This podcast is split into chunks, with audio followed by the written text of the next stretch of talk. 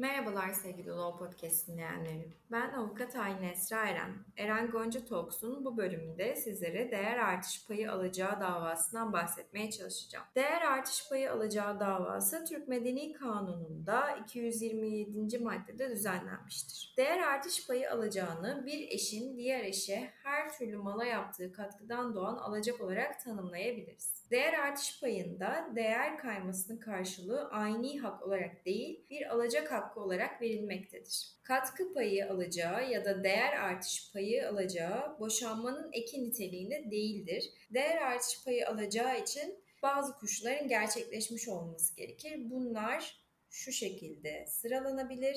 Değer artış payı alacağının alınabilmesi için istek bulunmalıdır. Mal rejimi sona ermiş olmalıdır.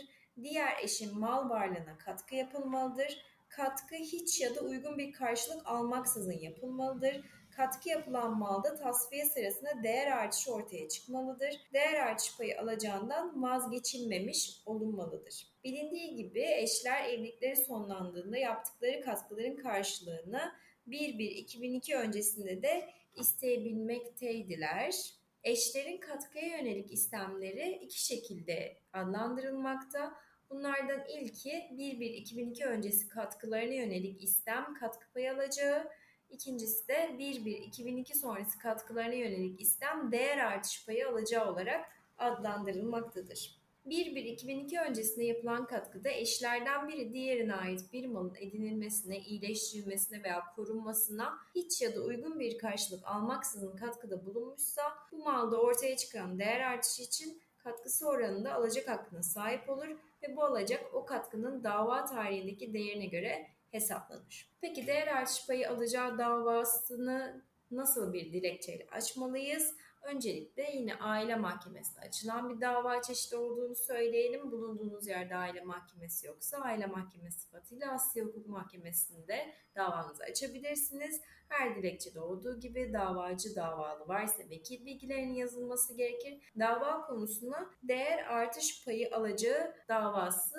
yazmanız gerekir. Dava konusunun değerini mutlaka belirtmeniz gerekir. Örneğin 50 bin TL gibi. Bu değer harcı esas değerdir ve bu değer üzerinden belirli bir yüzde miktarında harç ödersiniz.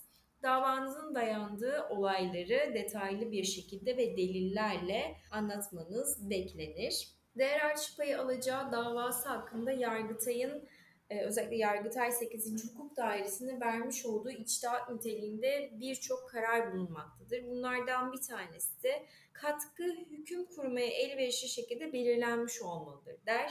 Davacı kadın çalışarak kazandığını vermek suretiyle katkıda bulunduğunu iddia etmiştir. Mal rejiminin tasfiyesinde eşlerin bağlı olduğu rejime ilişkin hükümler uygulanır. Yukarıda açıklanan yasal düzenleme ve ilkeler uyarınca yapılan incelemede tüm dosya kapsamı birlikte incelendiğinde mahkemece davacının eşit miktarda katkısı olduğu kabul edilerek katkı payı alacağına hükmedildiği anlaşılmaktadır. Ne var ki mahkemece yapılan araştırma ve inceleme hüküm kurmaya elverişli değildir demiştir. Diğer bir kararda ise katkı diğer eşin mal varlığına yapılmış olmalıdır demiştir. Bir sübjektif hakkın sahibinin ve o hakkı uymakla yükümlü olan kişinin kimler olduğu yani bir davada davacı ve davalı sıfatının kimlere ait olduğu tamamen maddi hukuka göre belirlenir. Bu nedenle bir kişinin belli bir davada gerçekten davacı veya davalı sıfatına sahip olup olmadığı hususu usul hukuku sorunu olmayıp dava konusu subjektif hakkın özüne ilişkin bir maddi hukuk sorunudur.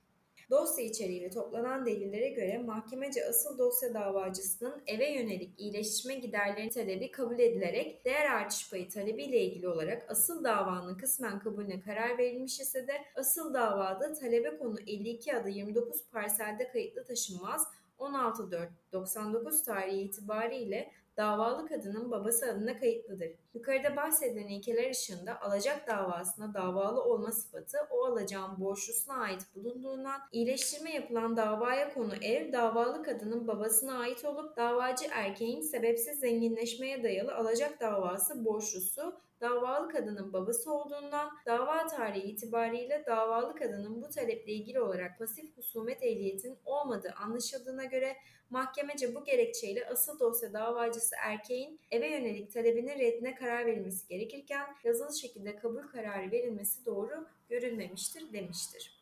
Diğer bir kararda ise eşlerden birinin mal rejiminin devamı sırasında diğerinin edindiği mal varlığına katkısı nedeniyle katkı payı alacağı isteğini bulunabilmesi için mutlaka para ya da para ile ölçülebilen maddi veya hizmet değeriyle katkıda bulunması gerekir demiştir. Şöyle ki, kadın veya kocanın mal rejiminin devamı sırasında diğerinin edindiği mal varlığına katkısı nedeniyle katkı payı alacağı isteğini bulunabilmesi için mutlaka para ya da para ile ölçülebilen maddi veya hizmet değeriyle katkıda bulunması gerekir. Mal ayrılığı rejiminin geçerli olduğu dönemde satın alınan tasfiyeye konu mala çalışma karşılığı elde edilen gelirlerle maaş, gündelik, kar payı vesaire gibi gelirlerle katkıda bulunulduğunun ileri sürüldüğü durumlarda çalışarak düzenli ve sürekli gelire sahip eşin aksi kanıtlanmadıkça yapabileceği tasarruf oranında katkıda bulunduğunun kabulü gerekir denmiştir. Evet sevgili Law Podcast dinleyenleri, bu bölümde sizlere değer artış payı alacağı davasından bahsetmeye çalıştık. Bir sonraki bölümde farklı konularla görüşmek üzere, hoşçakalın.